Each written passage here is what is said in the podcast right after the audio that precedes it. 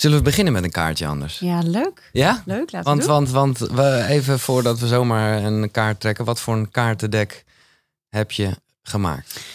Nou, ik merk dat bij ons in de opleiding tot holistisch therapeut worden, werken we ook veel met inzichtkaarten. En ehm, ja, het is ook wel fijn om gewoon op het moment dat je even eh, een vraag hebt over iets, of dat je niet lekker in je vel zit, of gewoon de dag lekker wil starten, dat je een kaart trekt van hé, hey, wat heb ik op dit moment nodig? Of Mhm. een gerichte vraag. En die kaarten die helpen je vaak weer even te wijzen op hey, hoe gaat het nou eigenlijk met jou en wat heb je nodig? Ehm, dus de kaarten zijn niet alleen, staat er een spreuk op, maar we hebben ook een, ja, nou ja, je kan het, ik weet niet dat kan niet echt goed zien, denk ik, zo van afstand. Ehm, maar ook figuren waar je dus ook Ja, ja. ja, je eigenlijk in kan verdiepen en waar je langere tijd naar kan kijken. Een soort energie altijd ook weer, ja, een soort energieuitwisseling. En kunnen wij een kaart trekken? Want eh, dat vergeet ik te zeggen. Als je luistert, dan hoor je er misschien nog niks van. Als je kijkt, dan denk je al dat het een andere setting is. Dit is een bijzondere aflevering van Koekeroe met Marjolein Berendsen, vriendin van de show. En jullie mogen nu laten horen. We zitten in het Circus Hakim Theater in Haarlem. Ja. En dat geeft gelijk een soort andere dynamiek. Waardoor ik denk, eh, ja, met jou bij mij aan tafel of ik bij jou thuis, durf ik best een kaartje te trekken. Nou, Nou, nu durf ik het ook wel hoor. Maar, Durven wel. Nee, oké. maar eh, ja, Jij één en wij allebei één, wij alle toch? twee één. Dat is een uitstekend idee. We En twee- gaan we eventjes hem neerleggen, dat je even kan voelen. Oh, oké. Toch? Ja, nee, is goed. En doe je dit vaak? Ja, ik, ik trek wel geregeld een kaartje. Ja, ook even in de dag of de dagenergie. En je bent ook altijd zo gek op rituelen. Ik Ja. vind kaarten ook wel heel fijn hoor. Even een momentje van verstilling. Momentje dat je ook weer terug kan naar je gevoel, naar je hart. Weet je, we, we gaan, we racen al zo snel in ons leven. Kan je daarbij? Want het is Zeker, zeker. weggelegd. Dit is hem. Dit is hem. Jouw innerlijke stem wordt gehoord door diegene die weet hoe te luisteren. Nou ja, je kan hem heel letterlijk nemen, namelijk de mensen die luisteren, maar ik snap hoe je hem bedoelt. Jouw innerlijke stem wordt gehoord door degene die weet hoe te luisteren. Maar goed, daar gaan we het over hebben. Je moet vooral zelf er ook naar kunnen luisteren natuurlijk. Juist. Ik heb, ehm, als ik mezelf echt voel, ben ik thuis. En als ik echt thuis ben, kan ik lief hebben. En dat gaat ja, over verbinding. Je hebt een prachtige, je hebt er een eh, prachtige ja. webinar-event ja. van gemaakt. En dat is het ook. Ik denk als je echt thuis bent bij jezelf. En dat is waar ja, voor mij ook de boeken over gaan. Waarom ik de noodzaak voelde om daar iets mee te doen. Ik voelde me denk ik heel lang niet thuis in mezelf. Dat als ik niet thuis ben bij mezelf, dan kan ik A, ook mezelf niet lief hebben, denk ik in de eerste plaats. Maar ook niet echt voor anderen zijn. Nee. Maar eh, bijvoorbeeld nu in een wat, wat eh, nou ja, voor mij in ieder geval spannende setting. Hoe, nou ja, hoe voel je je? En hoe, en, ja, goed. Weet je, als je kijkt ook, ja, in ieder geval, ik, ik keek al even zo rond in de zaal. Er komen nog mensen binnen, welkom. Ehm, ja, weet je, gelijkgestemde. Dus dat is ook iets waar ik me heel erg thuis bij voel. Een soort Mhm. van tweede familie. Zo heb ik zomaar ook altijd gevoeld. Het begon ook in mijn huis. Dus ik liet ook mensen letterlijk binnen. Ja, Ehm, nou ja, later ook de andere vestigingen thuis. Dus dit voelt wel als thuis, als veilig. Als, ehm, en ik denk dat het de kunst wordt, of het nou een HSP is of wat dan ook, maar dat je waar je ook bent, je thuis altijd met je meeneemt. En dat dat is waar het eigenlijk over gaat. Is, Mhm. oh ja, ik kan soms wel even bij jezelf weggaan of eh, nou, misschien door situaties die, die pittig voor je zijn, of misschien dat er heel veel prikkels zijn, dat je weer even terugkomt. Oh ja, pff, ik mag weer even uit, uit dat stuk gaan. Ik kom weer terug in mezelf. Ik kom weer bij mezelf uit. HSP, je noemt het al even voor jou, is het een, eh, een Ja. woord dat je vaak gebruikt. Eh, eh, high sensitive person. Ja. Eerst even de, de definities. Jij hebt een boek geschreven, Hoogsensitief, je grootste kracht. Ja. Wat is het verschil tussen hooggevoelig en hoogsensitief? Ja, nou in Nederland zie je dat ze dat onderscheid niet zozeer maken. Dus daar, toen ik dat eerste post daarop maakte op Instagram, viel er ook een aantal mensen echt over me heen. Maar ik denk, ja, weet je, prima. Maar er zit echt wel een verschil in. En de Belgen gebruiken dat wel heel mooi. Dus hè, Elke het hoofd. Mhm. Zij zegt ook heel mooi, hoogsensitief is iets zoals je geboren bent. Hè. Dus ook vanuit de wetenschap zien ze dat 20% van de wereldbevolking ook echt hoogsensitief is. Dan hebben ze gezien eh, met wetenschappelijk onderzoek van die hersenen werken dus gewoon echt anders. Hè, de prikkelverwerking. En hebben we het alleen nog maar even op het fysieke niveau, dus niet holistisch bekeken. Ehm, maar uh, ik had met Els van Stijn heeft de boeken ook gelezen. Ja. Dat vond ik heel spannend, eerlijk is eerlijk. Want zij voorwoord geschreven ook. Maar zij, zij zei ook tegen mij, ja zegt ze Marjolein, iedereen heeft wel fasen in zijn leven waarin er meer prikkels binnenkomen. En dan kan je ook hooggevoelig zijn.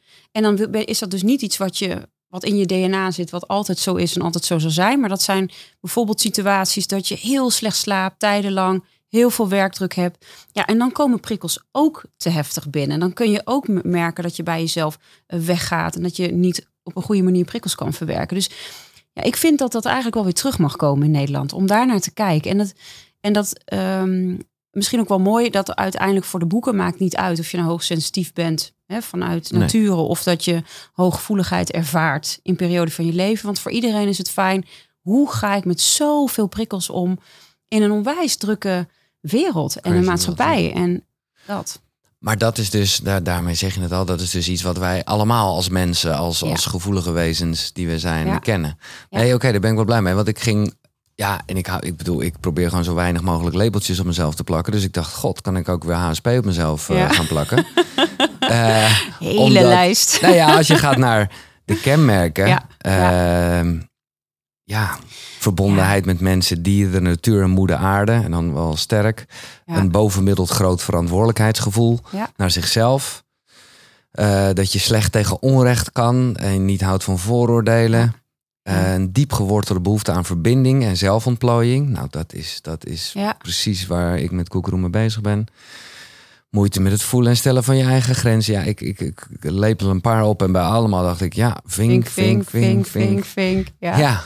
Ja. dus het is, ik, ik vind het ook heel mooi dat je dit nu Um, nou ja, juist ook benoemd. Want uh, ja, voordat we weer een labeltje hebben van oh, het is HSP. Maar uiteindelijk gaat het erom, ook even los van alle labels kom weer even thuis. Wat heb ik nodig in essentie? Ja. En uh, dan hebben ze vanuit de wetenschap wel bekeken van oh, 20% van de wereld bijvoorbeeld. Maar ik denk dat het veel hoger ligt. Maar ja, ik ben geen wetenschapper. Nee. Ik zie wel heel veel mensen die zeggen ik herken dit. En dan komt weer die gelijkgestemdheid. Voel je je thuis? Ja, bij die gelijkgestemdheid. Mensen die zo dat voelen. En ik had laatst een webinar over HSP. Zeg maar, heeft niet iedereen dat? Ik zei, nou lopen ze in de supermarkt. Of kijk eens op je werk. En kijk eens hoe mensen ook, um, nou ja, ook ongelooflijk veel oordelen over elkaar kunnen hebben. En hoe uh, los ze gaan op elkaar. En, en jij zegt dat zijn dus geen. Uh... Wil ik niet zeggen. Maar het is denk ik wel van. Ja, is, is iedereen, heeft iedereen in die basis zo dat stuk? Ik denk nee, ik denk dat ook wel heel veel mensen misschien dat ook wel missen. Ja. Maar Nee, maar ik, snap het. En, en nogmaals, de, hoge, uh, ook die mensen die, die vooroordelen hebben in de supermarkt zijn op een ander. Ja, nee, toen ik bedoel zeggen, die zijn op een ander moment. Ja. Dus het is wel even een hooggevoelige fase. Ja.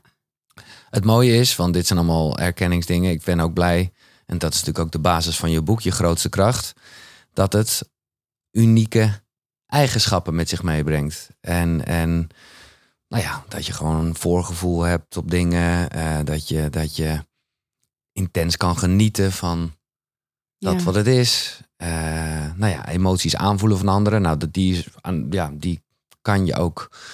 Die kan ook tegen je werken, laat ik het zo zeggen. Ja. Nou ja, dat is misschien een grootste, maar dat is wel eentje die denk ik, uh, nou ja, zeker mensen die, uh, nou ja, zichzelf hoogsensitief of hooggevoelig, whatever, laten we die termen door elkaar gebruiken mm verder. Hoe voorkom je dat je meer energie geeft dan je ontvangt. En om eerlijk te zijn, dit is gewoon uh, vanuit mezelf. Uh, zit dat laatste zit ook bij mij. Want ja. ik bedoel, ontvangen is, is nogal wat. Tenminste, vind ik lastig. Dus hoe, ja. Maar daar begint het in de basis ook. Weet je dat. Um... Kijk, als ik kijk naar mezelf vanuit de HSP, hè, dan kun je kijken van, oh ja, uh, ik zie dus op fysiek niveau zie ik dat ik bijvoorbeeld heel veel last van prikkels heb. Maar uh, als je vanuit holisme kijkt, heb je die vijf niveaus: hè? fysiek, emotioneel, mentaal, energetisch, spiritueel. En spiritueel gaat dus ook over een oorzaak en waar iets ten grondslag ligt. Dus even, ik, ik, ik leg hem even iets, iets verder uit. Ja, ja, heel goed. Dus als ik kijk naar mezelf, had ik gewoon heel weinig zelfliefde en heel weinig zelfwaardering. Dus kom ik op een stuk waar ik niet waard voelde om van te houden. Dus um, Maar daardoor ging ik enorm pleasen en ging ik heel veel mezelf weggeven, weggeven. En dat ontvangen, ja, dat, dat kon ik niet. Dus het was ook iets wat ik zelf in stand hield. En daar Mhm. zijn ook de boeken eigenlijk voor. Is om mensen mee te nemen naar een stuk zelfonderzoek van hoe werkt dat eigenlijk bij jou? Want als je vanuit nature kijkt, vanuit het energiesysteem, zijn we allemaal verbonden met het universum. Hè? Je, nou, die, die ademhaling gaat als vanzelf, die energie is er. Als je goed slaapt, ehm, eh, nou, dan heb je ochtends veel energie en dan kan je de dag aan.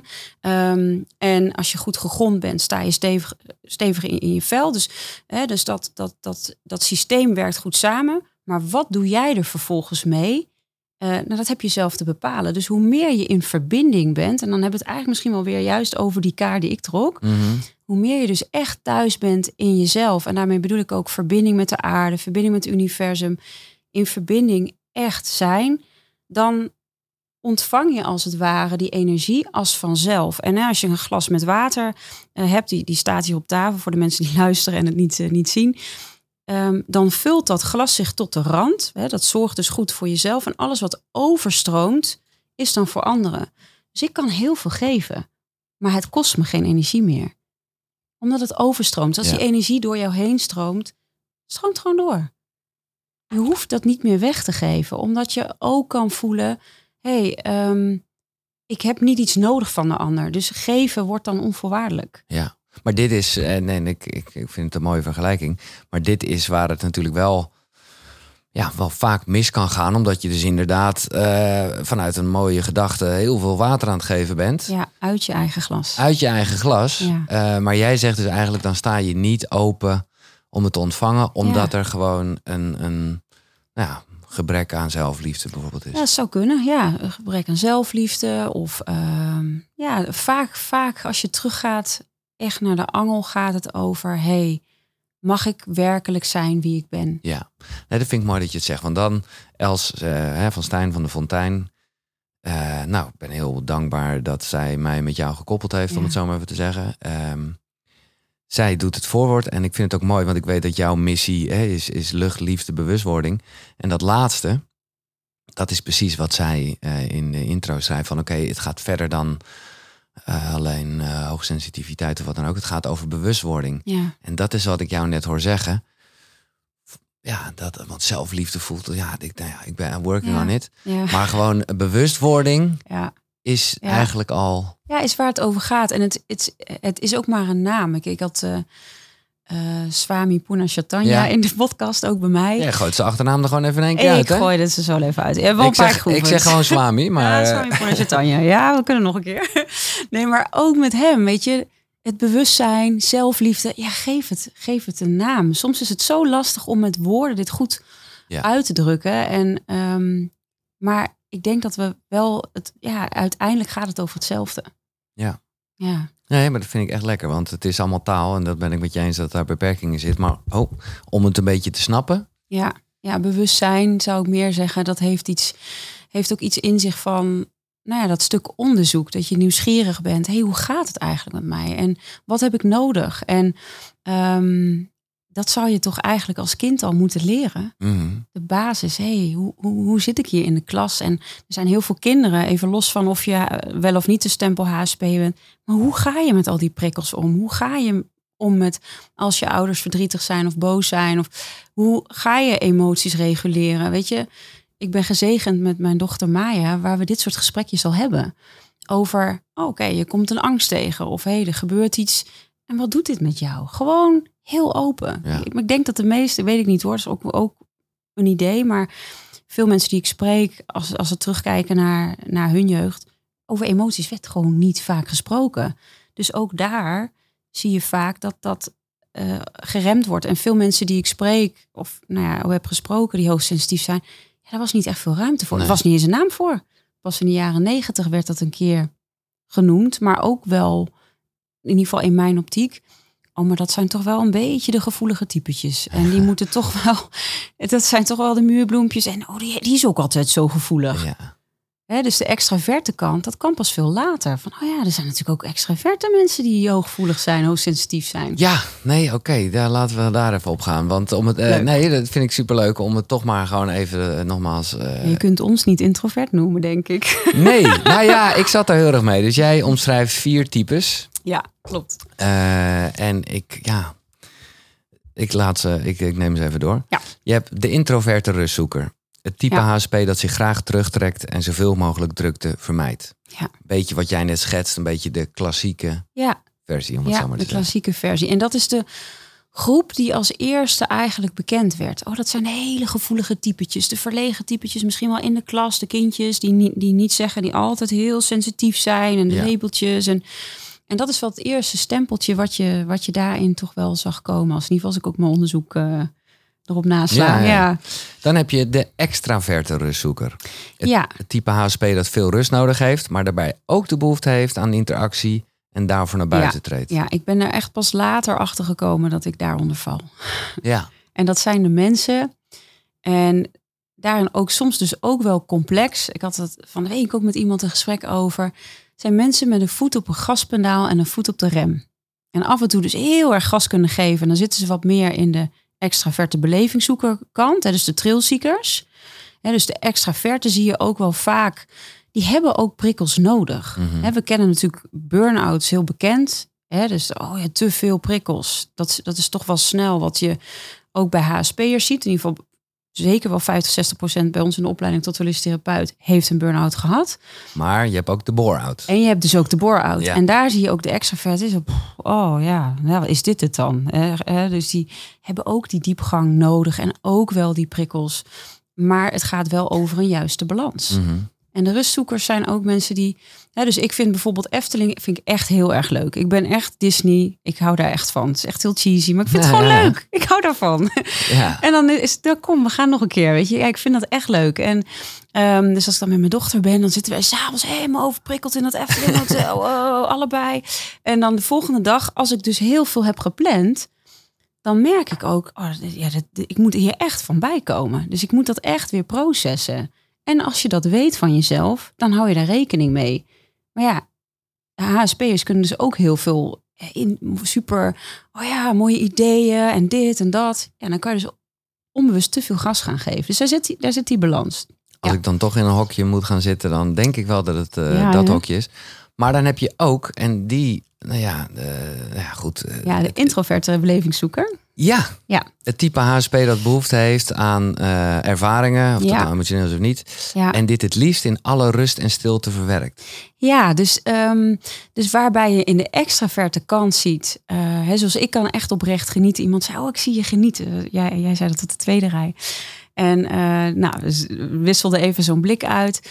Ehm, ja, daar kan ik van genieten. Ik vind het fijn. Mensen, mooie mensen om me heen. Weet je, dat, dat, dat is dat extraverte. De introverte zou misschien veel meer kiezen voor de één op één contacten. Ja, ja, Dus ik vind die beleving fijn. En ik ga graag de diepte in. De zingeving is iets wat, wat je heel...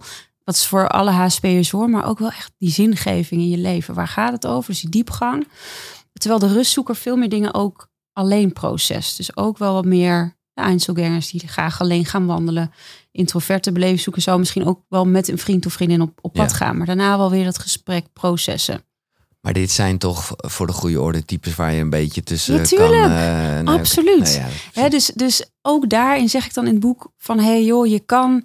Het is leuk om even die types uit Ja. elkaar te zetten. Maar je kan ze ook weer gelijk verwerpen. Hè? Want, eh, want het is ook niet mijn doel om met het boek mensen in hokjes Nee. te plaatsen. Absoluut niet. Nee, maar het verklaart wel een hoop als we het hebben over bewustwording. verklaart een hoop. eh, ja. ja. als we weer over een bewustwording terugkomen, dan gaat Laten we de vierde daarover. nog even benoemen. Dat eh, lijkt me ook een ding, zeg.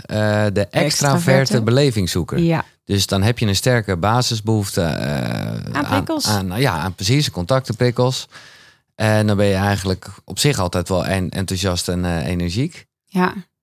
Dus het kan ook zijn dat bijvoorbeeld in je studententijd hebben heel veel mensen dat. Hè? Maar die zijn zichzelf ook nog heel erg aan het zoeken van wat past bij Ja. mij. Ik ga elke avond misschien wel uit of alle prikkels. En dus dat je ook gaandeweg in je leven dit gaat ontdekken. En hoe mooi zou het zijn als kinderen eigenlijk al veel sneller gaan voelen. Hé, hey, maar oké, wie ben ik en wat heb ik nodig? En wat is goed voor mij, zodat ik thuis kan zijn in mezelf en dus ook thuis met een ander. En van daaruit, nou ja, mocht je dat willen, je zielsmissie kunnen leven om, Mhm. om bij te dragen aan een mooiere wereld. Maar eh, dan wil ik even toch nog even, dan houden we op over die types. maar. maar. ik vond het wel interessant. omdat je toch, eh, nou ja, bij allerlei dingen die jij bespreekt, eh, denkt: oké, waar, waar ben ik in dit geheel meestal? En dan op een gegeven moment, dan gaat het over de liefde. Ja, Wat altijd een mooi onderwerp is. En ja, dan denk ik toch dat ik de. Dan voel ik me ineens veel meer de introverte eigenlijk. ja dus daarin ook als je... Want die heeft, ik zal dat even Ja, uitleggen, die ja. heeft de neiging om verlamd te raken. En is Ja. vaak niet meer in staat om de juiste woorden te vinden. Ja. Terwijl een extraverte, die gaat gewoon mee in het conflict. En ja. Ja. ja, als rap van de tong. ja. Ja, dus je kan ook merken dat het hangt ook denk ik af in hoeverre jij in verbinding bent met jezelf. Hè, want ehm, als ik hem dan even doortrek, ja, eh, ik denk dat op het moment dat jij zegt, hey, ik verlam soms, kunnen het ook overlevingsmechanismen zijn die opspelen. absolutely, ja. Hè, dus ook dat. ehm, ja. dus het is eigenlijk best wel een complex geheel, maar ik heb mijn best gedaan om wat types uit de een te zetten. Het kan ook zijn dat iets je zo verlamt gewoon op dat moment. En dat is veel meer ook een primair overlevingsmechanisme. Hoe, wat dit komt binnen. Mhm. Echt verbinden is natuurlijk super spannend. ja. Maar dat is hopelijk wel wat we aan het doen zijn. Ja. Maar eh, spannend is het, maar ook, ook lekker. Eh, we moeten even, ik, ik weet niet of ik hem goed uitspreek, maar eh, je haalt hem in het begin aan en ik ben benieuwd wie, wie, of je me echt ontmoet hebt of dat je daarvan gelezen hebt.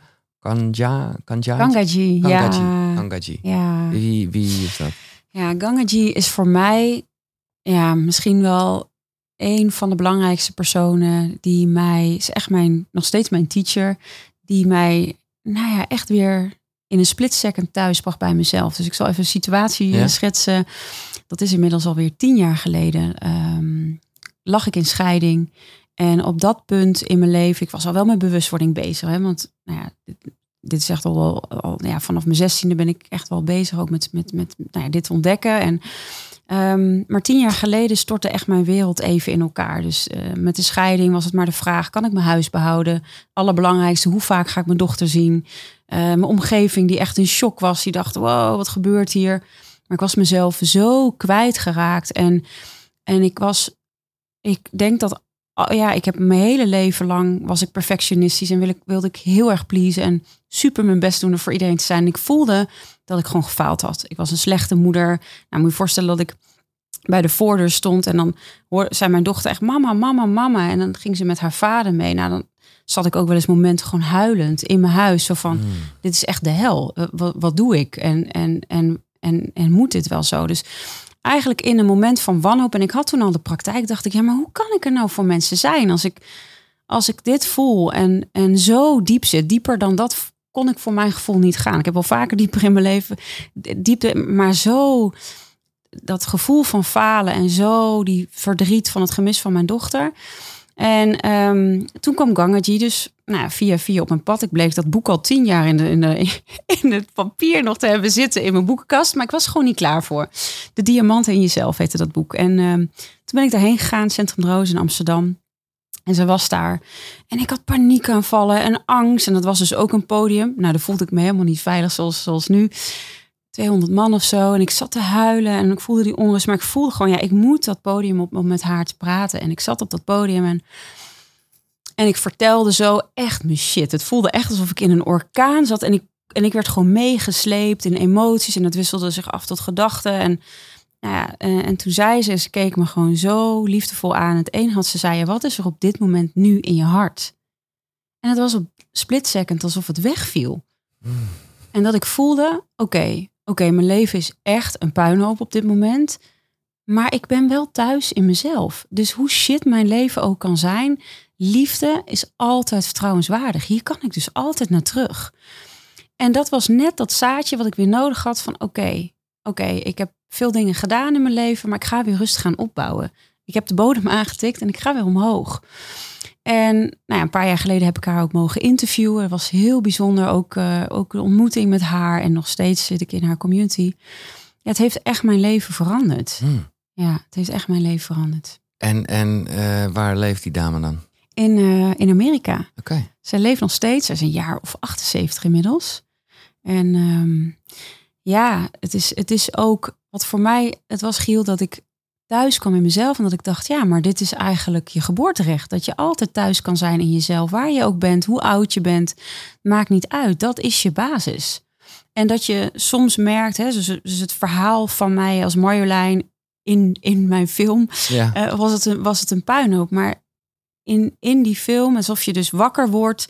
Oké, maar de thuis draag ik dus altijd mee. Hey, oké, dus, dus, dus mijn verhaal is ook maar een verhaal. Dus op een gegeven moment kon ik dat steeds makkelijker loslaten. Dus je zou het werkboek en het handboek kunnen zien als iets wat je wil fixen in je film. Dus je film leuker maken, maar uiteindelijk gaat het erover... hey, kom gewoon thuis in jezelf. Het is er al, ja. ja, ja. Het is er al. Dat is, eh, ja. Maar dat kan toch niet vaak genoeg benadrukt worden. Ja, Maar het is wel een mooie. die bewustwording, ja. En is het zo, dat vroeg ik me af, omdat jij nu weer heel erg op dat hele pure, essentiële gevoel van liefde het hebt eigenlijk. Ja, En op een gegeven moment gaat het over het kompas. ja, Over dat je, nou ja, eh, zingeving, hè, dat, eh, de, de- de- ja, datgene eh, ja, wat goed voelt, echt, echt, echt, goed, voelt, dat dat ja, je kan gebruiken als kompas. Ja. En jij schrijft dan, mijn kompas is liefde, pure onvoorwaardelijke liefde, waar ik mijn hele leven aan wijd. ja. Ja, dat, en, en vervolgens, liefde is mijn kompas, wat is het jouwe? Maar dat is toch voor iedereen? ja. Of niet? Of En ja, dat weet ik niet. Ik, ik, dat- ik dacht gelijk van ja, ik zou me niks anders kunnen. Ja, nou, en dat is dus ook oprecht een vraag, omdat ehm, ik ook de lezer wil uitnodigen om niet alles van mij aan te nemen. Weet je, om echt voor jezelf te ontdekken, wat is jouw kompas? Eigenlijk hebben we het goede antwoord nu stiekem al gegeven. Ja, ja, ja. nee, en maar, misschien, dan misschien ook, Giel, weet ik niet of iedereen het liefde zou noemen. Misschien noemt, noemt, Ja, ja, noemt heb een, een, een Swami Puna Chaitanya, daar komt hij weer. Bewustwording is mijn kompas. Of stilte, of die intuïtie. Of voor mij is dat echt liefde. Het is elke keer weer hoe pijnlijke situatie ik in mijn leven ook heb gehad. Het was elke keer weer liefde. Ik dacht, ja, zelfs in deze situatie is liefde. Ja. Zelfs hier. Ja, Ik ben heel erg bezig met de cursus in wonderen. Die Ja. heel erg gaat over nou ja, dat alles liefde is, eh, zou ik maar zeggen. Ja. En daar moet ik dan toch... Ik ben daar nu heel gevoelig voor geworden. Juist omdat ik zo midden in die cursus zit. En dat is Mhm. dus elke dag een les. En eh, nou ja, de... En dan, ja, ik ben blij dat je het hier hebt over het ego. ego. Ja. Ja. Eh, ego is je maatje in veel omstandigheden, maar niet wie je werkelijk bent. Ja, ik weet dat de cursus in wonderen ego echt verwerpt. Nee, daarom. Daarom gooi ik hem er even in. Ja, ik heb hem ook gedaan. Dus inmiddels al tien jaar geleden Nee, hoor. ja. Ja. dus eh, ja, weet je, en het mooie is denk ik, de cursus van wonderen die verwerpt het echt, waarbij, ehm, waarbij dus het ego ook iets kan worden wat je vijand wordt en waardoor het ego alleen maar sterker wordt. Terwijl ik dan geloof van, hey joh, als je het ego ziet als alle facetten rondom het poppetje in de film Marjolein. Hè? Dus als Mhm. ik weet dat ik thuis ben in mezelf, iets wat, eh, wat dus eigenlijk welke film zich ook afspeelt. Hè? Dus als je in vorige levens gelooft, zou, was ik misschien in een vorig leven Henk of zo, noem maar wat. Hoop, weet ik niet, geen idee. Maar misschien was ik wel Henk. Dus dan had je verhaal Henk. En daar speelde zich een ego in het film af. En nu in mijn leven speelt, speelt in het film van Marjolein zich allemaal ego af. En er is iets wat er altijd is. Wat als je nou gewoon daar bevriend mee kan zijn? En iets gewoon, oké, hey, ik merk dat stukje omhoog komen. En in liefde kan ik zien dat ego ook weer oplost als een druppel in de oceaan. En jij bent die oceaan. En het is aan jou om steeds dieper en dieper in die oceaan te zakken. Ik denk overigens, zoals je nu uitlegt, dat dat dus heel erg hand in hand gaat met de cursus. Ja, Want ja, het is ook helemaal niet zo dat het, dat het moet dus- onderdrukken worden, onderdrukt worden, want dan, Ja. dan, hè, dan maak je het groter. Ja, en het is ook weer, want de, de cursus vind ik ook zo leuk. Eh, volgens mij heb ik je dat ergens ook horen zeggen. Juist omdat het zo moeilijk omschreven is, ga je er echt in duiken. Weet je, dus dat is ook tof.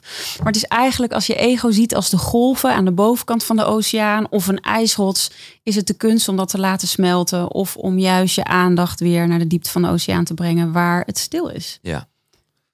Maar dan de vraag. Ja. En eh, jij hebt mij min of meer in jouw podcast die Ja. vraag ook gesteld. En toen zei ik, oh god, nu ga ik echt zo'n antwoord geven. Dus ik vind, je mag niet als antwoord, nee, je mag alles. Maar gewoon van, dat weet je nou eenmaal. Dat is, die, die vind ik altijd vreselijk.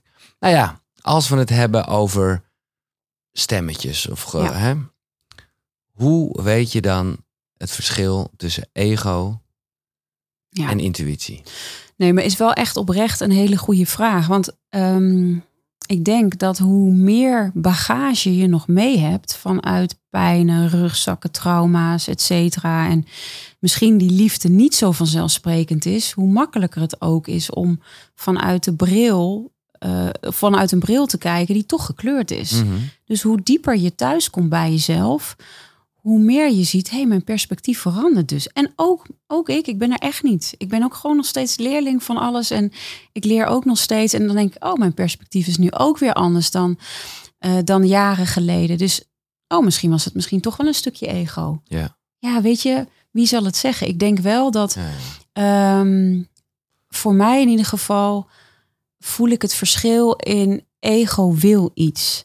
En het zijn ehm, werkt voor mij echt door me heen. Het klinkt misschien gek, met ook met mijn podcast, maar ook met Zoma en alles hoe dat is gegaan. Het is niet iets wat ik kon bedenken. Nee. Het- ik voelde echt, oh, dit is de bedoeling. En ik vond het zo eng. Het poppetje Marjolein, dacht echt, ja, maar ik kan dit niet. En met dat stuk van, oh, maar ik ben het niet waard om van te houden, is het doodeng om elke keer maar in die kwetsbaarheid te staan. En iedereen weet dingen over je. Oh, Weet je, en je, je doet ook maar gewoon. Je, je, ik leef ook maar mijn zielsmissie, weet je zo. Dus ik denk dat, dat dat ook een proces is. Maar ik geloof wel dat ik het steeds beter voel. Dat ik het voel in mijn hart. Ik voel het stromen. Ik voel verbinding. Ja, dat. Dus ik voel. Het is, voor mij is het split second. Nou ja, ik vind het ook wel verfrissend dat je zegt dat het in die end, nou ik wil niet zeggen niet uitmaakt, maar dat je er ook op kan terugkomen. Kijk, je zou kunnen denken, eh, het stemmetje om het maar veel groter te maken, dat in mij zegt, ja, ik ga gesprekken opnemen eh, met publiek erbij. Ja, Eh, ja, dat zou heel erg een soort ego-ding kunnen zijn. Het zou ook gewoon intuïtief gewoon echt dat ik nog meer verbinding ja. zoek met direct mensen. Dus misschien dat ik over eh, tien jaar zeg, oh, dat was toch wel ego. En het is oké. Dat is ook wel oké. nou Want ja. jouw zijn en jouw essentie, die, die kijkt er toch zonder oordeel naar. En daarin herken je wel, jouw essentie is oordeelloos. Ja. In mijn ervaring dan. Nou, en wat ik wel een goede vind, maar dat is, eh, dat is wel echt naar binnen gaan en meer luisteren, is dat je flauw zou kunnen zeggen dat ja, je ego schreeuwt en je intuïtie fluistert. Ja, dat is, ja maar dat is wel ja. echt zo. Dat, Ja. ja. ja, dat zegt Lou zo mooi, hè? Loenies, dat zegt dat ook Oh zo ja, mooi. oh. Vind ik echt, ja. Dat is echt, eh, ja, ja, het is echt voor mij ook echt naar binnen gaan. En dat als extraverte rugzoeker heb ik dat ook echt nodig. Even mijn momenten afschakelen en dan voel ik het weer. Dan, oh ja, dit is de bedoeling. En het, ik kan het vaak niet, ik had het vaak niet bedacht. Wat het, eh, Nou, ook die boeken niet. Nee, nee, het is niet iets wat ik bedacht. Het Nee. kwam echt, dit is de bedoeling. Nou ja, oké, we gaan schrijven. Geen idee of er iemand eh, over, een, over een hond naar, eh, of er een hond op zit te wachten, zeg maar. nou, dat denk het ik is wel. toch de bedoeling, ja. Nee, dat denk ik zeker wel. Ja. Want ik denk dat het veel herkenning geeft en, en handvatten. Nou ja, dat is. weet je, ik heb een aantal. Ik heb echt best wel veel geleerd. Gewoon ook vanwege de manier waarop je dingen omschrijft. Bijvoorbeeld, nou, ik moest er net al aan denken toen we het heel erg hadden over zelfliefde. En ik had dat nooit zo gezien eigenlijk, dat dankbaarheid. eh, dat dat dus eigenlijk ook zelfliefde is. Terwijl ik eigenlijk juist daar veel meer van... Hé, je kan zo lekker dankbaar zijn voor andere dingen. ja. Dus voor, eh, nou ja, even flauw de zon. Maar oprecht kan je daar natuurlijk wel heel dankbaar voor zijn. Eh, dus ik had dat nooit zo eigenlijk gevoeld dat dat ook zelfliefde is. Maar eigenlijk wel, omdat je dus zelf toestaat dat het fijn is om de zon te bedanken. Ja, maar ook af en toe is gewoon jezelf of hier zijn of moment van jeetje, wat ben ik dankbaar dat ik elke keer in de diepte in mijn leven, en ik heb best wel wat nou, shit meegemaakt, dat weet jij, eh, elke keer weer toch ook die engelen tegenkwam, gewoon in mensenlichamen, zeg maar, die mij hielpen, die er waren. En hoe dankbaar is het ook weer dat we bijvoorbeeld eh, via onze stichting mensen helpen in hospice of blijf van mijn lijfhuizen. Oh, dat kan ik zo. Dat, dat voel ik echt in elke vezel. Die dankbaarheid. Ik denk, jeetje, ja, Ja. we kunnen er even zijn. Even Nee, maar hand dat geven, is, dat is juist bij anderen. En dat Maar vind ik ook ook- heerlijk. Zo ken ik dankbaarheid van Maar dat al- is een gevolg Ja, eigenlijk dan ja. weer. Dus als je het eerst met jezelf hebt, poeh, jeetje. Dan is ook weer, oh, ik wil dat ook terug doen of wat dan ook. Op wat voor manier dan ook. Ja, en ja, het is echt een vorm van liefde. Voor mij is het ook. Ik kan eigenlijk over heel veel dingen dankbaar zijn. Ook dingen die niet leuk waren in mijn leven. Omdat ze iets geleerd hebben. Ja, ja, ja, ja. omdat ik hier nu, nu met jou zit. Ja.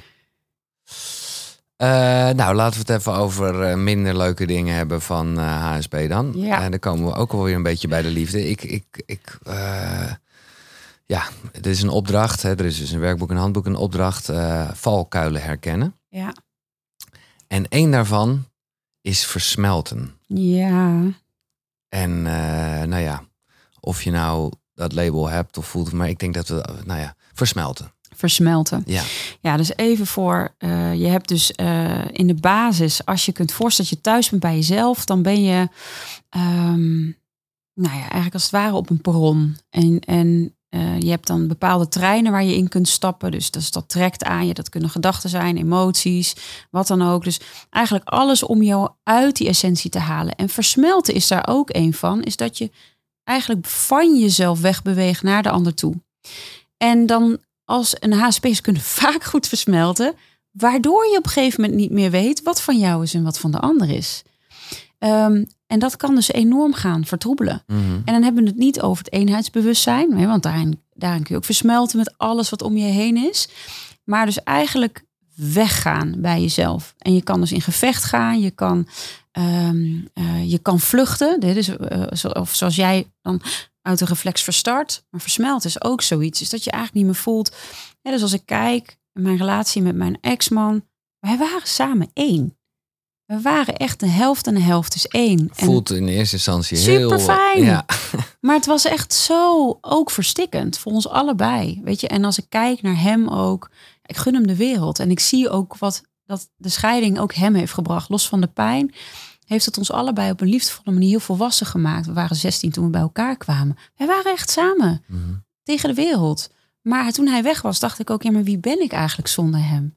Ik ben natuurlijk helft van een tweeling, dus daar is het begonnen. ja, ja, dat is wel heel letterlijk Dus dat wel heel ja. duidelijk. Ja, maar echt, we gingen samen naar de wc, weet je. Ja, de een op de ene helft van de bril en de andere op de andere. Ja, zo versmolten waren wij.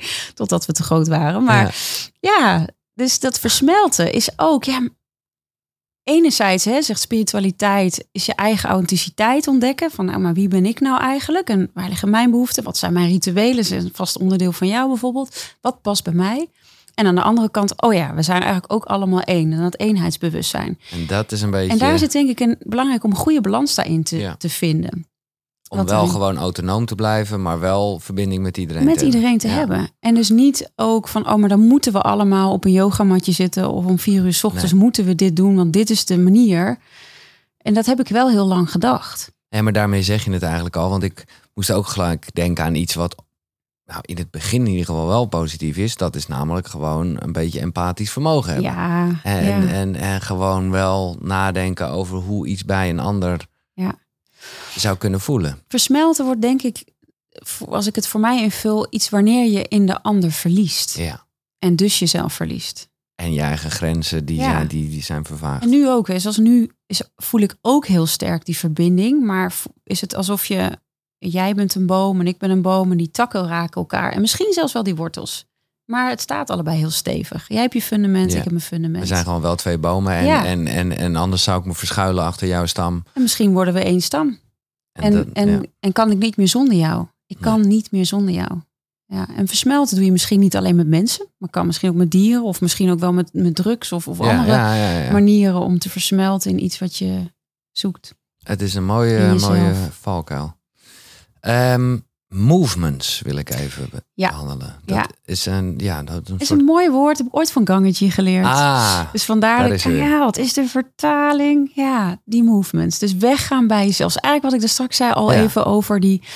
Als jij bij jezelf thuis bent, sta je op dat perron... en je ziet al die treinen. eh, je staat op Amsterdam Centraal, je ziet al die treinen. Je kan er allemaal in stappen. En zo gaat het de hele dag door. Stap je in de trein, hup, gedachten hier, emoties daar. woe, woe. Zit je misschien dus in het andere metafoor... in de golven van die oceaan helemaal bovenin. Goede tijden, slechte tijden in je eigen verhaal. Of zeg je, hé, hey, ik ga voorbij die movements en oh, ik word even wakker, ik zit in de trein en waar ben ik eigenlijk? Weet je, we hebben al een moment dat je dagdroomt. Oh, ik word weer even wakker. Of een dag heb gehad, poeh, ik kom thuis. Ah, en nou voel ik mezelf pas weer. Dus movements, die hebben we allemaal in het leven. Maar hoe kan je thuis blijven? Ja, het is wel grappig dat die kaart trok. Hè? Ja. Dat is echt wel eh, waar het over Maar, gaat. maar is dat iets, eh, bedoel, kan er eh, zeg maar geen movement zijn? Want als jij het hebt, hier gaat het over, over interactie. Dus dan kan je naar iemand toe bewegen. Je kan tegen de ander in de bewegen. Of je kan volledig weggaan. Ja. En dat is dan meer vechten, vluchten ja, of dat smelten, zeg maar. Maar ik denk niet dat ik daar nog ben.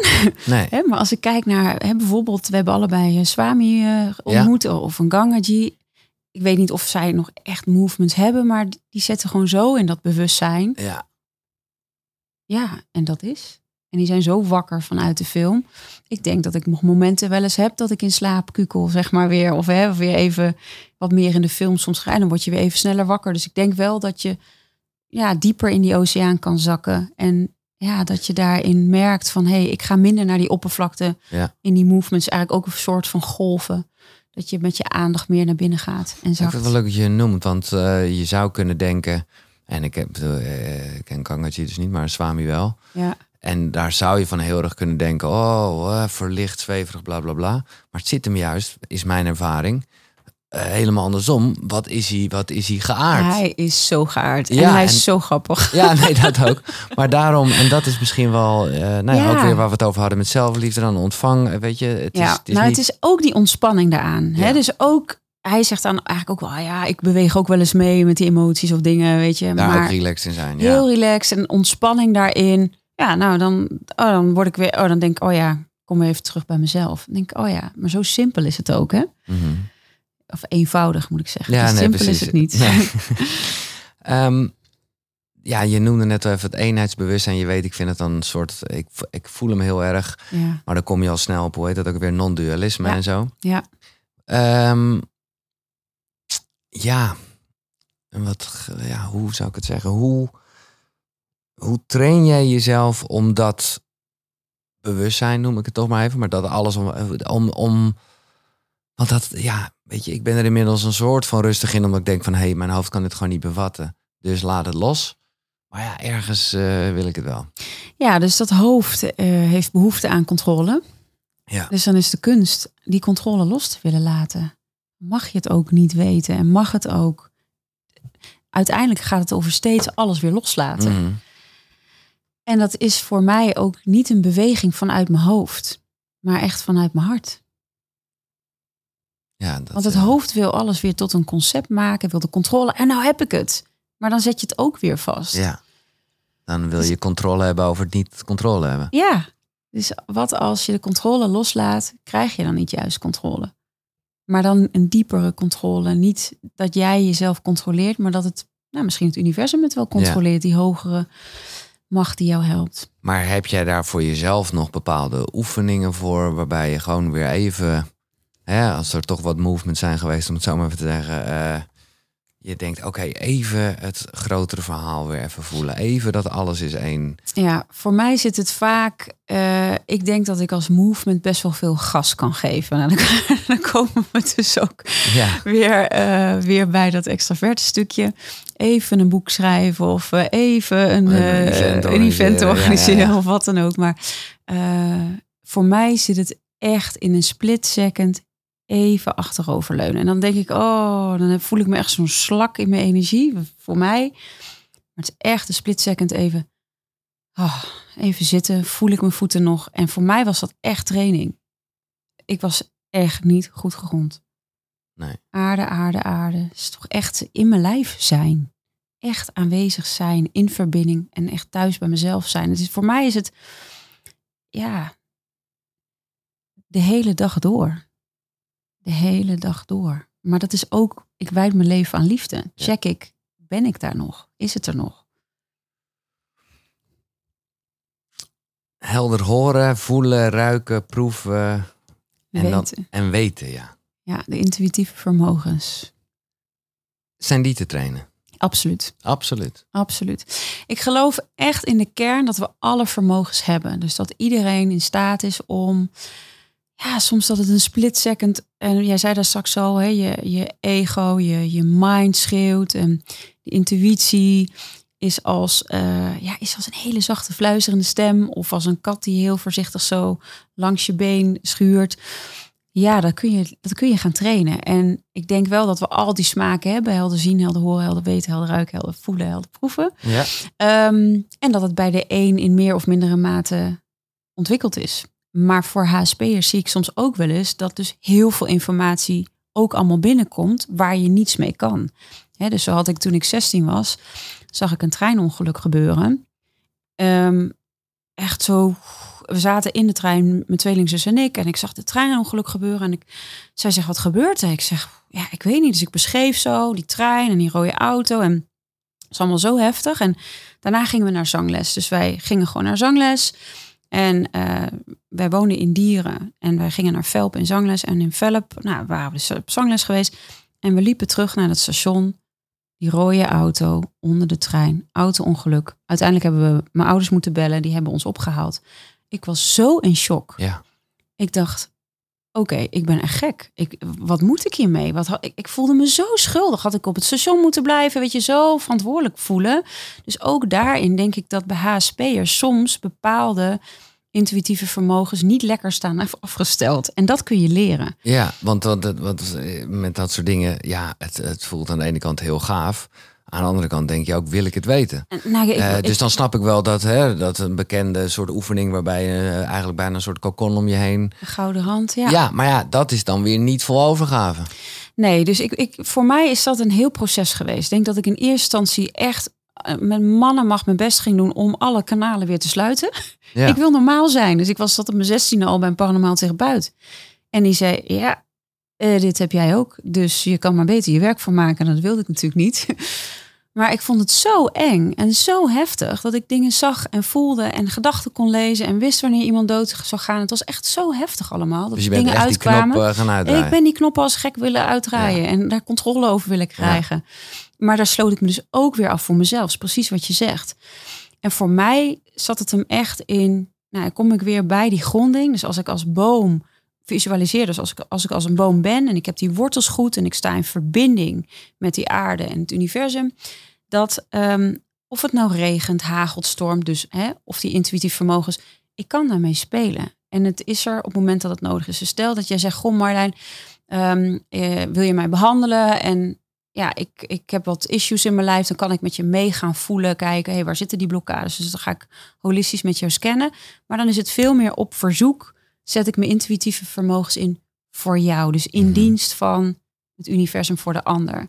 En niet meer, oh, ik loop op Utrecht Centraal, ga even kijken wie wat heeft. Of Nee. sensatiezoeker. Of, ja, dat heb ik wel gedaan natuurlijk. Maar Tuurlijk, een beetje en experimenteren. gedachten gelezen, gelezen natuurlijk. Maar ja, ga je mee experimenteren. Maar nu, oké, in dienst van zet ik het in. Maar ik kan ook op een festival prima aanwezig zijn zonder dat ik alles voel. En af en toe zet ik die gouden rand ook neer als ik het nodig heb. Maar gewoon veel meer met de flow ook daarin mee. Ik denk dat technieken heel behulpzaam eh, zijn. Tenzij het iets wordt wat je altijd nodig hebt. Ja. Want dus- dan, dan onderdruk je... Ja, we hebben allemaal wel momenten dat je minder goed slaapt en dat je misschien wat overprikkeld bent. Dus je denkt, poeh, nou even een gouden rand is wel lekker even. En zou dat nu nog kunnen gebeuren? En, en, en zo ja, hoe zou je ermee omgaan dat je ineens eh, bam zo'n beeld krijgt van nou ja, iets als een treinongeluk? Ja, ja dan, dan hoop ik oprecht en dan voel ik ook oprecht, hé, hey, wat, wat mag ik hier aan doen? En wat, vertel me, laat me zien wat ik hiermee mag. Zeg maar zo. Ja. En wat kan ik doen om bij te dragen aan? En soms, ja, ja, ik zit te denken of ik nou iets concreets heb de laatste tijd heb gehad. Hmm, weet ik misschien met mensen afstemmen of mensen die dan wel eens mailen of dingen sturen, dat ik me op ze afstem, meer zo. Oké, wat kan ik dan voor je doen? In Ja. dienst, in dienst van. Op afstand. Ja. Ja, dat, dat weet ik ja. Ehm, dan zijn we al snel, want we, we zitten, dit is gewoon ongetwijfeld een, een, een gedeelte dat mensen echt afhaken en denken, ja, ik eh, snap dit allemaal niet, ik geloof het allemaal niet of wat dan ook. Ik vind het wel echt wel leuk om erover door te gaan. Ook omdat jij, eh, nou ja, over definities gesproken, jij zegt aura is een huis van energie. Ja. ja, ik denk dat als mensen nu eh, willen afhaken, denk even aan het moment dat jij een lift instapt of eh, in de bus gaat zitten. Ehm, wat maakt dat de ene persoon, dat je prima in jouw energieveld om je heen kan gaan staan of naast je kan gaan zitten, dat je er bij de ander denkt, oeh, ik schuif toch even iets op. Dat je het Mhm. gewoon bijna voelt. Of dat Ja. je een ruimte binnenkomt en denkt, oeh, dit voelt niet lekker. Ja, waarom voel je dat? Dat voel je dus in die aura. En dat is gewoon een mooi woord voor, ja, eigenlijk dat energieveld wat, wat je ook om je heen draagt. En in de lift zie je ook allemaal mensen eigenlijk allemaal niet snel met de ruggen naar elkaar toestaan. Dus ook daarin voel je vaak dat die aura's elkaar kunnen raken. Mooie omschrijving, ja. Of En- dat je op een feestje bent, dat je voelt, oeh, die komt wel heel dicht. Wat maakt het? Wat, Ja. wat maakt dat de ene zo dicht bij je komt? Dat je echt denkt, oeh, drie stappen naar achteren. Die staat er echt vol in. En wat maakt het bij een ander het niet uitmaakt? Dat, dat is echt dat aura. En dat is dus ook Zo. iets wat eh, verschilt. Ja, dus voor HSP'ers, ehm, wat, ik, wat ik vaak heb gezien, die, ehm, die voelen soms niet helemaal van hé, hey, waar is mijn aura? Waar begint dat van mij? Waar is dat van de ander? En dus komen veel prikkels via die aura ook binnen. Dus ehm, je zit bijvoorbeeld eh, op eh, je werkplek en je zit in een vergadering. Eh, wat maakt dat je op dat moment ineens voelt van oh, ik word zo leeggezogen, die persoon zit naast me. Maar die doet toch feitelijk gezien niks? Waarom word je zo leeggezogen door die persoon? Dan gebeurt dat toch in die aura iets. Iets waar een haakje zit. En ehm, daar kun je dus ook controle alweer over gaan uitoefenen op het moment dat jij stevig in je energieveld staat. Ik heb veel HSP's die zeggen, "Poh, ik ben zo moe als ik bij die persoon zit. Voel ik me helemaal leeggezogen. Dat zou toch eigenlijk gek zijn? Ja. Want ergens heb je dat ook zelf vooral toegestaan dan, Ja, toch? dus daar gebeurt iets in die, in die aura, in die uitwisseling van energie. Maar wat ik eigenlijk bedoelde is, jou, je, de, bijvoorbeeld mijn aura verandert ook de hele Ja. tijd. En dat kun je bijvoorbeeld merken dat als je, nou ja, bijvoorbeeld als ik wat ik al zei, hè, in, de, in de bus, stel dat het heel druk is of in de trein, dat je niet fijn vindt dat, dat mensen naast elkaar staan. Dan zie je ook mensen hun lichaamshouding al wat meer naar, naar zich toe trekken. Dan gaat die aura eigenlijk ook als krimpy dinky helemaal zo in elkaar. Terwijl op het moment dat je bijvoorbeeld in de natuur bent of bij een zee, je ziet ook mensen, hè, dat is wel heel klassiek, de Titanic ja, zo op, voor op die boot. Maar poeh, ik voel gewoon, ik zet hem helemaal uit en oh, ik voel dat de wind me schoon schoonmaakt, de, de, zon me- verlicht. Ehm, dat is ook allemaal voelbaar in die, ja, in die aura. En eh, ja, dat is toch, eh, ik wil er een beetje van wegblijven, maar ik, ja, je maakt me dan toch nieuwsgierig als jij daar gewoon zo, eh, nou ja, dat getraind hebt, zeg maar. Zie je, hoe was vandaag mijn aura? Het was te verwachten. Heel positief en kleurrijk.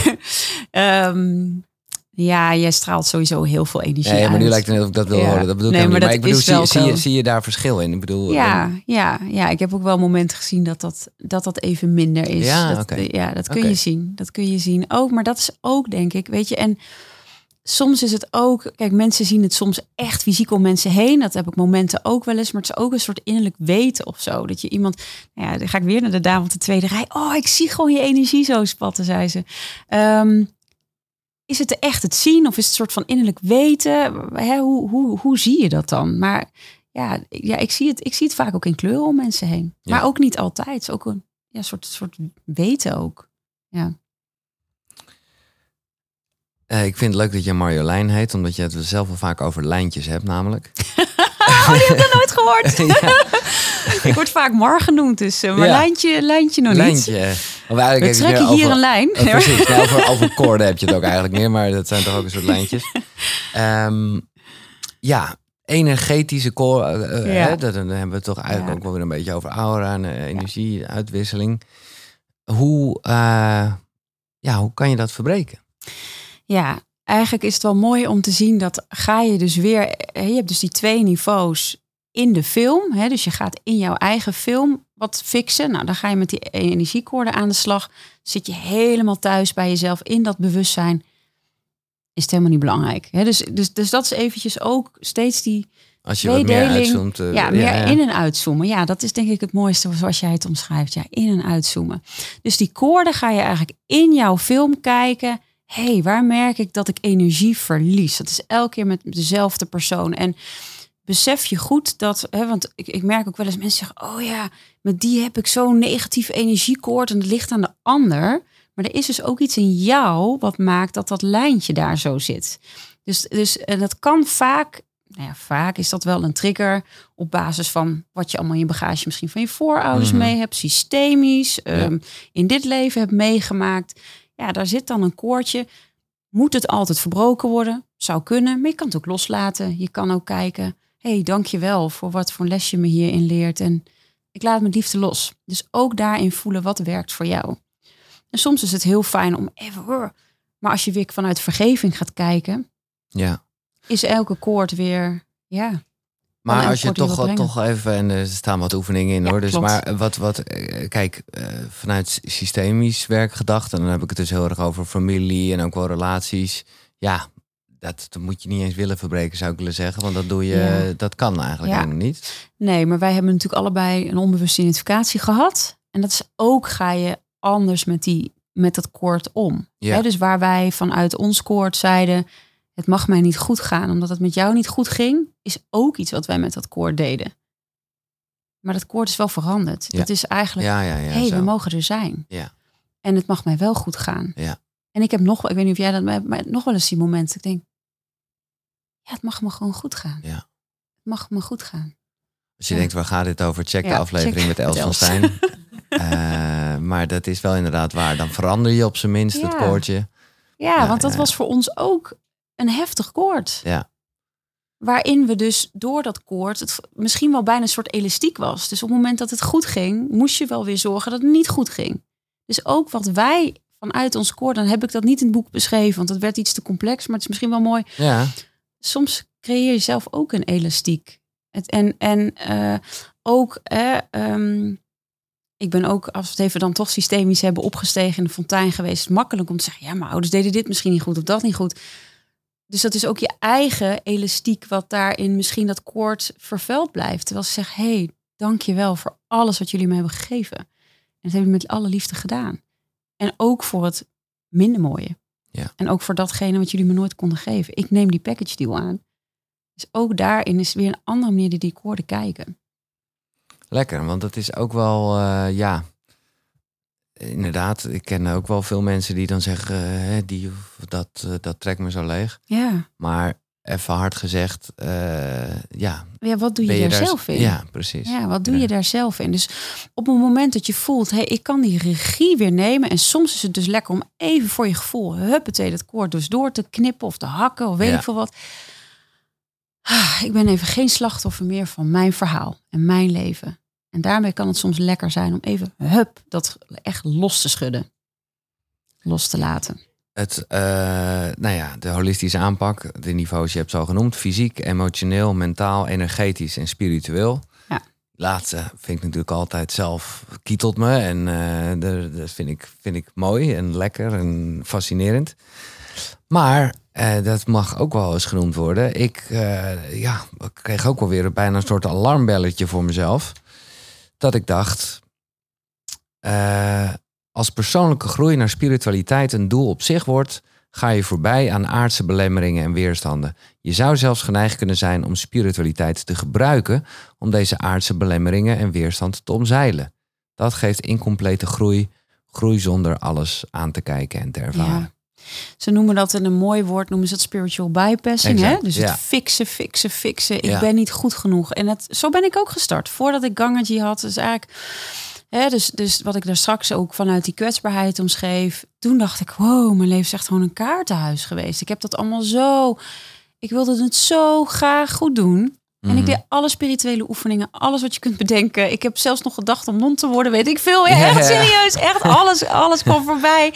Om het maar echt zo, nou ja, ook dienstbaar zo op te, op te stellen. En dat ik dacht, oh, oh, ik was ook zo moe van mezelf.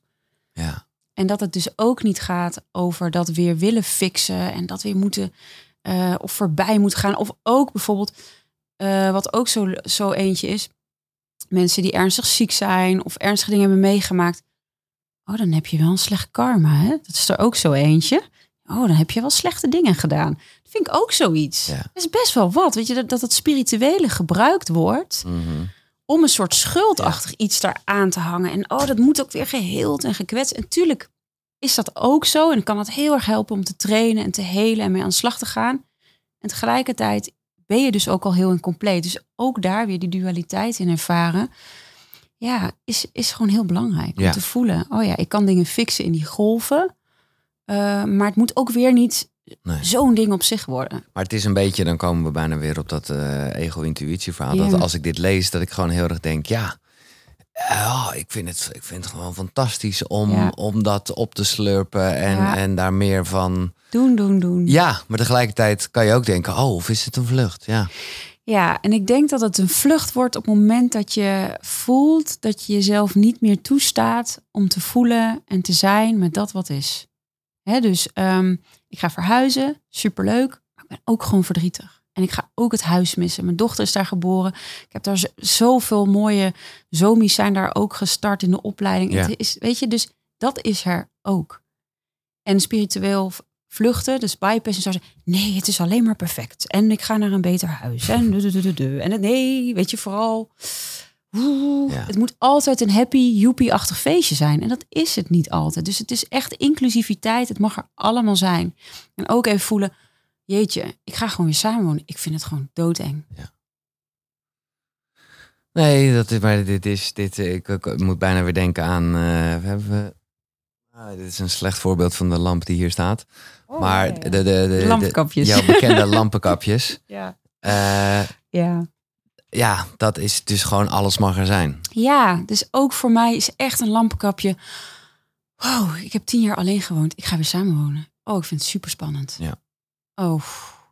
En dat Want lamp- even, sorry, we gaan even voorbij Ja, aan een mooie ja. metafoor die jij bedacht hebt. Dus Oh, wat ja. is een lampenkapje? Ja, eh, je wordt geboren heel en compleet als dat lampje. Dus Het licht. spot on, pas. Eh, ja. En naarmate we dingen meemaken, en dat merk je ook aan kinderen, die zijn nog zo in het nu, in het moment. Eh, weet je, dus, dus ook zijn ze niet bezig met, met het verleden. Hebben ze gisteren ruzie gehad met een vriendje, zijn ze er niet meer mee bezig. Want volgende dag spelen ze gewoon weer met het vriendje, ook al heeft hij hem geslagen. Het is allemaal nog heel erg Puur. puur. Ja. En, en dat licht is er. Er zijn er nog geen van, oh, en die heeft dat gedaan. En oh, en nu is dat gebeurd. En oh, nu heb ik morgen dat. En oh, gisteren is dat en dat gebeurd. Dus zitten nog heel erg in het nu. En die lampenkapjes zie je vaak, dus ook bij HSP, zo kom ik weer, zie je vaak wat extra lampenkapjes, omdat die ook dus die kwetsbare, eh, en misschien zijn we allemaal dus ook wel kwetsbaar, hè, maar dat is even wat de lezer zelf mag ontdekken of je wel of niet HSP bent, hoe dat voor je werkt. Maar dat je merkt, oh ja, eh, ik ga dat beschermen. Of ik neem er afstand van. Hè? Dus ik was als kind was ik ook anders. Ik, ik, ik wilde dingen weten. Ik liep als kind, ik vertelde het straks even mijn vriendin in de auto, liep ik met een schepje, omdat ons cavia dood was, wilde ik gaan kijken hoe die eruit zag. En waar die heen ging als hij dood was. Ik was nieuwsgierig. Nee, nee, nee, je gaat er niet met een schep die tuin, die cavia opgraven. Als voorbeeld. Ik was anders. ik zag dingen, ik hoorde dingen. Ik had, ik had vriendjes, vriendinnetjes, alles wat spiritueel langskwam. Nee, ja, dat ging dus. Ik was onderweg. Ah, Oké. Maar ik werd teruggefloten. Ja. Maar daarna, dus ik dacht, ik doe iets dus niet goed. Dit kan dus niet. Ja, dat kan misschien ook niet. Ja, misschien. eh, hè. Maar ehm, gewoon, ik, ja, avontuurlijk. Dus ik ben daarin ook, oh, dus dit kan er niet zijn. Of en dan zat ik op mijn koffertje te wachten tot mijn spirituele ouders me zouden komen ophalen. Want ik voelde toch ook allemaal gidsen en engelen om me heen. Nee, dat is er dus niet. Oh, dus het zal wel niet kloppen. En wat voor manier dan ook, gaan die lampenkapjes, dus dat zijn eigenlijk muurtjes, laagjes, rollen, patronen, ga je aanwenden. Dat doen we allemaal. Dus ook eh, als je ergens geen zin in hebt, je gaat toch ergens heen. Of je hebt je op dat muurtje, je- daar waar je je niet zo veilig voelt. Zijn al die muurtjes. Maar hoe meer je er hebt, hoe minder je je eigen licht nog ervaart, nog voelt, mee in contact bent. Nou, dan kun je dus, hè, we hebben het dus even over klassiek de burn-out. Ik ben mezelf kwijt. Alle lampenkapjes vallen ineens weg. En je bent super kwetsbaar. Hè, wat ik dus ook had met mijn kaartenhuis, wat in elkaar stortte. Bam. In een split second was ik weer terug bij mijn lampje. Heel kwetsbaar, heel eng. Je kan elk moment weer gekwetst worden. En er kan van alles binnenkomen. Maar wel puur. En oh, ik ben weer thuis. Ja. En dat je eigenlijk heel voorzichtig weer gaat proberen... Nou ja, je weg te vinden. Zo met dat, nou, ja, zonder dat lampenkapje in het leven te staan. En we hebben allemaal, nou ja, dus ook, ook bijvoorbeeld waar we het straks over hadden, die movement. zijn ook vormen van lampenkapjes. Ja, ja, ja. Nee, maar het is eh, gewoon ik- een soort eh, gekke hoax dat je... Dat heb ik zelf ook als het gaat over het wat abstracte begrip verbinding. Mhm. Maar heel erg altijd wel zo gevoeld van oké, echt letterlijk, ik bewaak eh, mijn hart. eh, ja. En daar, ja, dat was op zich, kan je zeggen, vanuit liefde. Ja. Maar het wordt er juist kwetsbaar van. Ja. Ik bedoel, in dat opzicht is de lamp, lampvoorbeeld niet een ideaal voorbeeld. Want die lampenkap beschermt wel echt die lamp. Maar ja, hij schijnt er wel minder door. Hij schijnt er echt minder door. zo. Dus ik heb liever dat mijn hart honderd keer breekt. Ja, Want uiteindelijk kan die nooit breken. Hè, dan komen we weer bij de essentie. ja, Laat mijn hart maar breken. Laat me wel honderd keer falen. Laat me maar honderd keer het niet goed doen. En liefde is er altijd. Dus dan kom je nog dieper in. Dus de bereidheid om ook dat los te laten. De bereidheid om ook je hart te laten breken. Is eigenlijk de bereidheid om echt het leven volledig te omarmen en ja op te zeggen. Mhm. Maar ik vind het wel grappig als we toch weer eventjes teruggaan naar HSP. Dat jij dus, je zou kunnen denken, ach, die zijn helemaal eh, open en zo kwetsbaar en zo. Ja, die heb je dus deels. Ja, Hè, dus, dus je hebt deels ook mensen die heel kwetsbaar en open zijn. Maar ook veel HSP'ers die niet eens weten dat ze HSP zijn. Omdat ze zo afgesloten zijn. Maar echt een manier hebben gevonden. Ik vlucht in mijn hoofd bijvoorbeeld. Om maar niet te hoeven voelen. nee. Dus het kan, je kan natuurlijk ja, op meerdere manieren dat zo zien.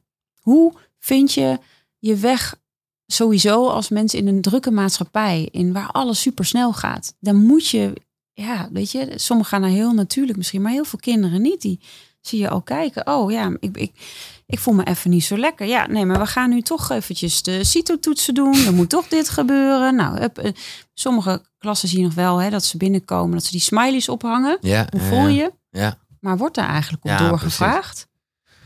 Maar hoe, hoe kan je niet bang zijn voor de grootsheid van het licht? Ja, ik denk, ja, als ik voor mezelf kijk, ja, soms is het ook gewoon spannend. Mag dat ook? En hoe kan je niet bang zijn? Ja, ik denk hoe dieper ik thuis kom, echt thuis kom, weet je dat dat licht niet buiten je zit, maar is dat ook in jou? Ja, maar best wel daarom. Het is echt een vraag namens mezelf. Omdat als je daar. Echt in gaat, eh, dat is heel fijn, maar ook overweldigend. Ja, dat toch? is het ook. Ja, dat is het ook echt. En ook dat ben ik nog steeds aan het ontdekken. Elke dag denk ik, oh, dit, is, dit kan nog dieper. En er is nog meer liefde en er is nog meer te ontdekken. Mhm. En dat is zo gaaf. Ja, nee, dat is het Ja. zeker. Maar ja, ja, nee. Ja, dus, dus angst. Ja, ik, ik, ik denk dat het tweeledig is. Dus enerzijds verbinden met dat lampje. En ook de andere kant hebben we er straks alweer over gehad. Een stukje bewustwording van hé, hey, welke lampenkapjes zitten daar omheen. Dus het is denk ik en en. Ja. Ja. En ook durf je de sprong te wagen. Want ik denk dat nou, veel gelijkgestemden die dit luisteren ook. Het is niet, het gaat niet alleen maar over de leuke en de mooie en de fijne dingen. Maar juist heb je de bereidheid ook in hele pijnlijke, moeilijke situaties erbij te blijven. En er te zijn. En ook volledig die angst te omarmen. Oké, ik vind het gewoon doodeng om die liefde te voelen. Ja. Wow. En gewoon zijn. Dus het is geen trucje, maar ik vind wel, gaat het me over, kan ik en durf ik alles te feesten? En dat is elk moment is het weer het koude water wat je inspringt van, pff, ik vind het doodeng. En het, voor mij is het echt dat ik uit de matrix ben en denk, oh, kak, kan ik niet meer terug in die matrix? Weet je, zo af en toe. Zou je dat willen af en toe, ja? Ja, af en toe wel natuurlijk. Ja, lekker, Hoezo? lekker even onbewust zijn. Nergens over na hoeven te denken. Nee, maar zonder gekheid. eh, en dan lach ik en dan denk ik, maar ik ben zo dankbaar dat ik dit mag doen. Zo dankbaar. Ja, Ja. ik ben zo dankbaar dat je het doet. Ja. Marjolein Berendsen. Ja.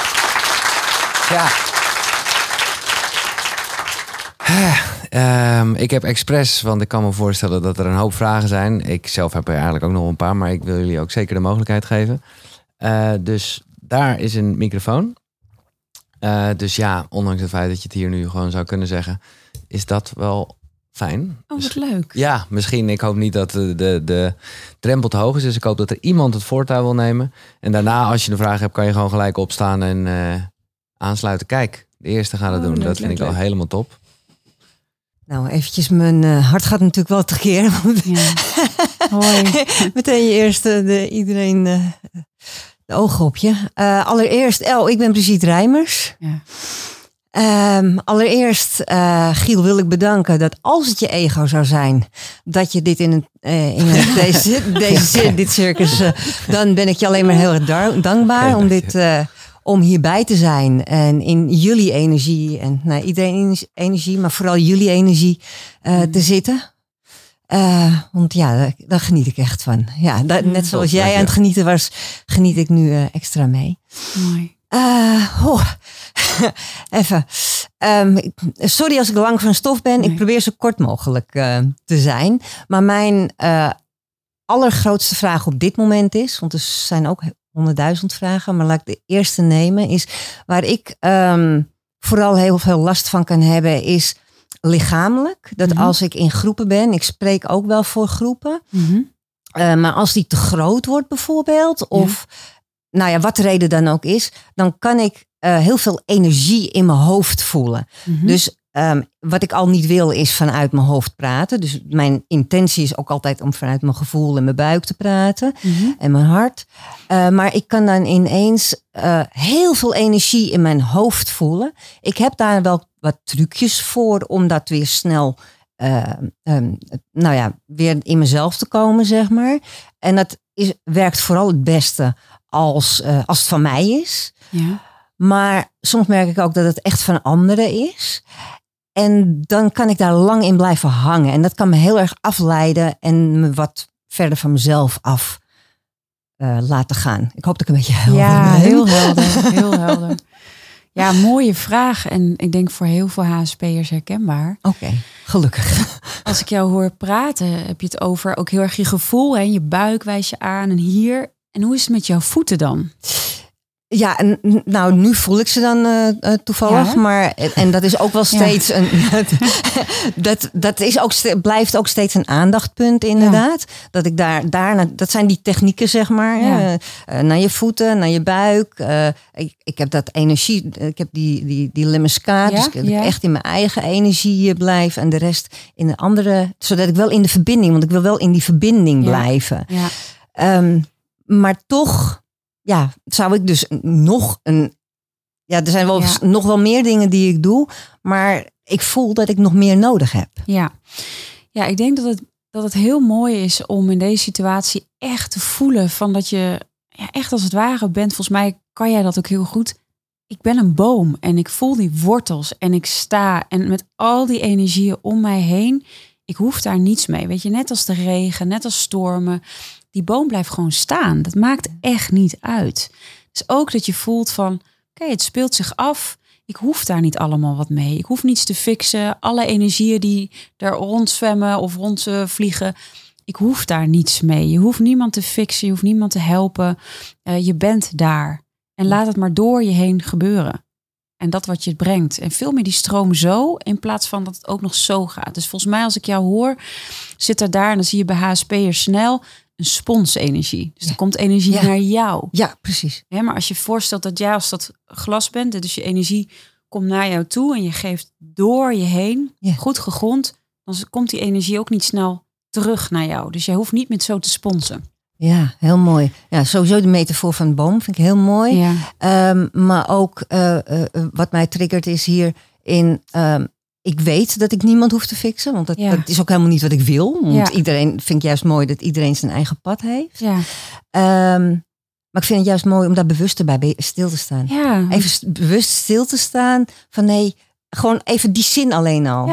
Van ik hoef niet te fixen, ik ben alleen maar die boom voor die, dat ik wil alleen maar een veld van veiligheid creëren, zodat iedereen zichzelf kan zijn. En ik, En ik geef door. Ja, precies. Ik geef door. Ja, en alle energieën mogen hier lekker zijn. Is er boosheid? Oh, prima. Dan zwemt dat daar. Of het heeft dan misschien een zwart kleurtje. Je hoeft het niet op te pakken. Nee. Prima. Het vliegt daar door de lucht. En Ja. ik geef gewoon door. Ja, ja, en zo zou ik het inderdaad. Nou ja, ik ga er in ieder geval mee, mee spelen. Ja. Om die energie uit mijn hoofd. Want er zitten vaak, vaak geen woorden bij hoor. Het is echt dat het Nou, er kunnen lichamelijk. heel veel woorden bij zitten. Ja, maar dat is het. Dat, ja, dat trekt, dat trekt omhoog. Ja, dat trekt omhoog. Ja, ja.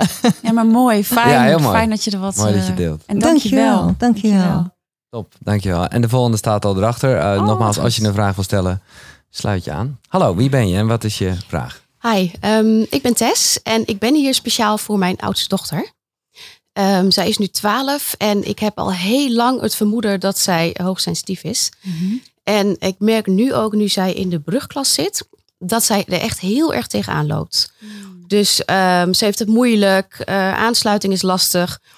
Alles komt heel, heel hard bij haar binnen. Mhm. En vrijdagmiddag is ze echt gesloopt.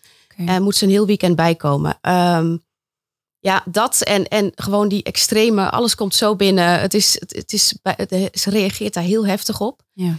Ehm, ik heb een hele, hele lieve man die het niet heel goed begrijpt. Mm. Ehm, dus dan heb je echt wel het, het, stukje, hè, ach, maak je niet zo druk. Ja.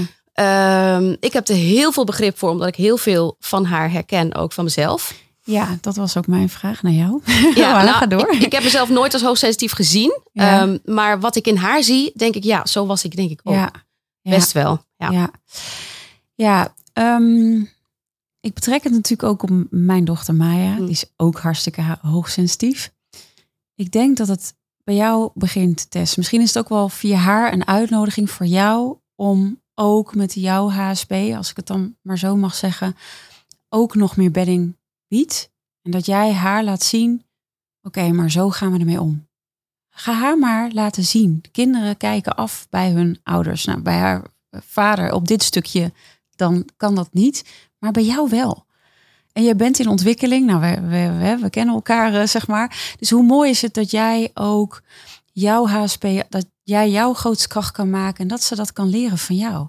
Hey, kom, we gaan even ons afschudden. We gaan even die boom visualiseren. Of hey, poeh, wat gebeurde er nou? En wat heb jij nodig? Dus ik voel dat ik het beste voor Maya kan zijn door het voorbeeld zelf te leven. Door met haar te zijn. En dat is echt alles. Want als ze dat nu al leert, wauw. Ja. Ik kwam er echt pas op mijn dertigste achter hoe het echt werkt of zo. En ik ben nu Ja, 40. ik was er ook nooit zo mee bezig. Maar nu ik haar zie, herken ik het heel erg. Denk Ja. ik, oeh, Dus inderdaad. het is ook weer een cadeau van Ja. het universum of weet ik veel hoe je het noemt. Absoluut. Dat, zo, dat zij dit met jou weer, hoe gaaf. Ja, dat heeft wel iets heel moois inderdaad. Ja. Want ik denk wat jij ook zei in het begin ook, hè, dat wij eigenlijk allemaal wel een beetje het, eh, het idee hebben van er mocht nooit gepraat worden over gevoelens en emoties. Ja. Ehm, ik heb het gevoel dat, dat het tijd is om dat nu te gaan doorbreken. Ja. En eh, daar gewoon nu echt wat mee te doen, zodat ik in ieder geval dat stukje eh, doorbroken heb Ja. eh, vanuit eerdere generaties. En dus, hoe mooi is het ja. dat ze op de twaalfde dat soort gesprekken met de moeder kan hebben. Die zo in verbinding met haar is. En haar hoort en haar voelt en haar ziet. nou, mooi dat je dat zegt. En inderdaad, het stukje gewoon echt samen doen en laten zien. Ja. eh, ga ik Want zeker. anders eh, wordt het een tool. Anders wordt het fixen. Klopt. En dan heeft ze het idee dat het niet goed genoeg is. En dat zij niet goed genoeg ja, is. en daar dat ben ik dus mis bang voor. Want ik wil dat ze beseft dat haar gevoelens er ook mogen zijn. Dat is ja, het en er is niks mis met haar. Het is Nee, een andere gebruiksaanwijzing. Maar het is haar eigen innerlijke kompas leren vinden. En op het moment dat jij die ook hebt en dat samen. Weet je, ik zeg ook wel eens tegen mij: Mama weet het soms ook niet. Maar laten we het samen ontdekken. Mooi, dankjewel. Jij ook, dankjewel. Ja, Mooi. dankjewel dat je deelt. En ik hoop vooral dat je je minder zorgen kan maken ook. Want ik geloof dan wel dat je dat natuurlijk dan ook weer uitstraalt. En dat is vanuit liefde, dat snap ik ook. Maar, Ja, ja. maar goed, dat is fucking moeilijk, ja. Hallo, wie ben jij en wat is je vraag? Mijn naam is Shannon. En ehm, nou, ik heb eigenlijk een vraag. Alleen misschien is het handig om een hele kleine korte introductie te doen. Want ehm, ik heb een vrij heftige jeugd gehad met veel, waardoor veel lampenkappen op mijn kern dus zijn gekomen. Mhm. En vijf jaar geleden ben ik in een veilig eh, huis terechtgekomen, gelukkig. ehm, bij mijn schoonouders in. Ja. En ehm, een jaar later kreeg ik MS. Waardoor nu de situatie zo is dat wij heel gelukkig zijn eh, in ons mooie huisje. Waarin ik, eh, we een dochter hebben. Mm. En waarin ik wel nu ben afgekeurd, wat ik soms nog heel lastig vind. Ehm, en eigenlijk is mijn vraag dan nu ook, um, want ik ben heel erg bezig met bepaalde processen. Hoe kom ik er nu achter eh, wat mijn zielsmissie is en wanneer voel ik wat zingeving is voor mij? Eh, vooral wanneer iemand eh, dus enorm moeite heeft met voelen en in verbinding staan of komen met zichzelf, doordat er dus zoveel lampenkappen zijn nu. Ja, als ik naar jou kijk, Shannon, we hebben elkaar net eventjes ontmoet hier in de gang. En ik, als ik vanuit mijn hart spreek, dan voelde ik juist heel veel verbinding met jou. En vanuit je kern. En juist die kwetsbaarheid. En zo, ja, zo dat contact. Volgens mij, als jij ook daar, dat kwetsbare stukje waar je misschien wel bang voor bent, echt eens mee gaat verbinden. En neem, neem vanavond eens voor om echt naar je hart te gaan. Oké, ik ga eens even voelen. waar word ik nou echt blij van? Waarmee zou ik de wereld verrijken? En is dat veel meer dan jij nu denkt? Want ik voelde jou heel sterk. en ik werd heel, ja, je sprankelt. Er zit een sprankeling. Dus het is ook wat je hoofd soms doet. Dus denkt, oh, maar ik heb nog heel veel lampenkapjes en ik ben niet in verbinding. Maar jouw hart zond iets heel anders naar me uit. Je was hartstikke in verbinding. We waren enorm in verbinding. Herken je dat of niet? Als ik dat zo zeg? Ja, soms wel, soms ook niet. Ik denk wat je net schetst, dat ik heel erg in mijn hoofd zit, dat dat heel herkenbaar is. Ja. En dat dat me heel erg in de weg zit. En dat is een vlucht. Dus kijk eens, je gaat morgen reiki doen, wist ik. Mm dat zei je me. Ja. Dat is echt een super mooi cadeau om weer echt thuis te komen bij jezelf, bij je hart. En, je krijgt morgen je reiki 1 natuurlijk. Dus hoe mooi is het dat je, ehm, als je oefeningen gaat doen, moet je op drie weken met jezelf aan de slag. Ik vond het super spannend. Mijn reiki 1 is wel 100 jaar geleden voor mijn gevoel. Maar dat was zo oh, tegen alles in, omdat ik eigenlijk dat heel spannend vond. Maar met je hart verbinden, daar ligt echt je antwoord. Die heb ik dus niet voor je, maar die ligt daar. Die ligt daar. Ja, super vet dat je het gaat doen. Ik uh, kan dat uit ervaring zeggen. En ik voel, uh, ik, heb, ja. ik heb zelfs uh, Reiki 2 ook, hè? En Reiki 3 gaan ja. we plannen naar je Ego is, ja, maar... Um, en wat ik vind het mooi dat je even de term zielsmissie. Ik heb hem bewust een beetje vermeden. Terwijl het in het boek staat het heel fijn. Maar het voelt, tenminste dat had ik zelf gewoon altijd wel. Het voelt zo groot, weet je wel. Zielsmissie, holy shit. Uh, en als je het echt even helemaal plat slaat, ja. dan is het gewoon uiteindelijk doe wat goed voelt. Ja. En dat is heel makkelijk gezegd, hoor, maar dit is, uh, nou ja, ik hoorde jou net die term gebruiken. Het is heel mooi en het is ook heel puur. Maar nou ja, dat is no to zelf. Maak het vooral niet te groot. Ja. Alsof je echt de, de hele wereld. Uh... Zeg je mooi, Giel. Weet je ook waar iemand bij ons op werk zei zo mooi waar mijn staartje van gaat kwispelen, weet je, zo. En je denkt, daar word ik blij van. Ja, en dat zit hem ook in hele kleine dingen, weet je. Een oud vrouwtje helpen oversteken of weet je, gewoon even een complimentje maken. Ik had net ook super mooi gesprek met twee dames bij de, bij de toilet, jullie twee, weet je. Daar ging mijn staart van kwispelen. Weet je, zo denk ik, oh, wat blij van die gelijkgestemdheid. En dat zijn kleine dingetjes kleine dingen. En op een gegeven moment inderdaad wat Giel zegt, maar anders wordt het zo groot en heeft het iets, iets, iets bijna poeh, alsof het weer iets is wat ongrijpbaar wordt. Alsof je ja, een stuk ontbijtkoek voor je aan een lijntje hebt hangen waar je nooit bij kan, ideeën. Waarom? Wat is een rare uitspraak ja, eigenlijk. Ik voelde hem helemaal. ja, ik ben helemaal niet zo gek op ontbijtkoek, maar ja, dus uh, ja. Veel plezier met je reiki. Absoluut. Dat is echt top. Dankjewel. Ja. Dankjewel. Mooi, jij ook dankjewel. Is er nog iemand die uh, een vraag wil slash durft te stellen? Oh, kijk. Oh, daar is iemand. Hallo, stel jezelf even voor en dan de Hi, vraag. ik ben Sabrina. Hoi Sabrina. Hi. Um, ik herken wel dingen van de vorige dame. Um, mijn vraag is denk ik, ik heb voor mijn gevoel nou nog tien jaar een therapeut nodig. Maar ik wil heel graag mensen helpen. Mm. Um, ik heb denk ik het gevoel dat ik nog iets mis. Dus zelf nog hulp nodig heb. Omdat voordat ik anderen kan helpen. Hoe zie jij dat en wat raad je me aan? Ja, nou dat, dat, dat is ook mooi. Nou, zo hebben wij de opleiding tot holistisch therapeut is opgericht. En daar zitten ook mensen die nog heel erg met zichzelf aan de slag gaan. Ik wilde in eerste instantie ook therapeut worden, omdat ik merkte eigenlijk dat ik ook nog heel erg met mezelf veel dingen mocht doen. dus, uh, dus A, ten eerste, je kunt nooit uitgeleerd zijn. Uh, wanneer ben je een goede therapeut? Ik denk dat dat wel een goede is. Hè? Want uh, ik denk wel dat, er, dat het goed is dat je je eigen lampenkapjes ontdekt. En dat je steeds meer ontdekt, hé, hey, waar, waar sta ik zelf? Je kan een ander niet verder helpen dan waar je staat. Dus ik denk dat dat ook hand in hand mag gaan. dus dat je ook uh, uh, daarin dus ook bijvoorbeeld hebben bij onze opleiding is bijvoorbeeld mensen gaan oefenen op elkaar dat je het ook zo houdt. Nou, ik ben nog gewoon aan het oefenen. Dat maakt het ook. Ben je al wel met die zielsmissie, als we het dan maar even zo noemen, misschien bezig, maar op een speelse manier. Dat ook niet heel groot wordt en niet, uh, maar op een manier wat voor jou. En dat je ook kan zeggen, oh, dat stukje weet ik eigenlijk nog niet. En dat is soms ook lekker. Maar dat jij dat voor ogen hebt, is heel duidelijk. En heel mooi ook. Ja, Lekker mee in investeren. Lekker mee aan de slag gaan. Is goed. Dank je. Ja, ja mooi. En ik denk dat veel uh, therapeuten, coaches het ook wel zeggen, eigenlijk hun, uh, nou ja, zeg je dat? Inderdaad, dat zelf ook weer als therapie ja. gebruiken. Eh, ja. Min of meer of lessen. Hoe blijven leren. Ja, blijft ook leerling. Ja. ja. Zullen we nog uh, een kaartje tot besluit of mag je het maar één keer doen? Okay. We gaan het gewoon doen. Ik ze wel weer, weer ja, zullen we gewoon terug doen? Ja, nee, eh, wacht eens even. Nou, Het is, halen we nou zo door de war? het is nu tijd, het is nu tijd voor mijn stapel. Oh ja, jouw stapel. Dan ik zal ze niet zo mooi uitspreiden als jij, maar... Nee. Zo, ergens hier tussen. Jij eerst of ik eerst? Eh, ik ga wel eerst.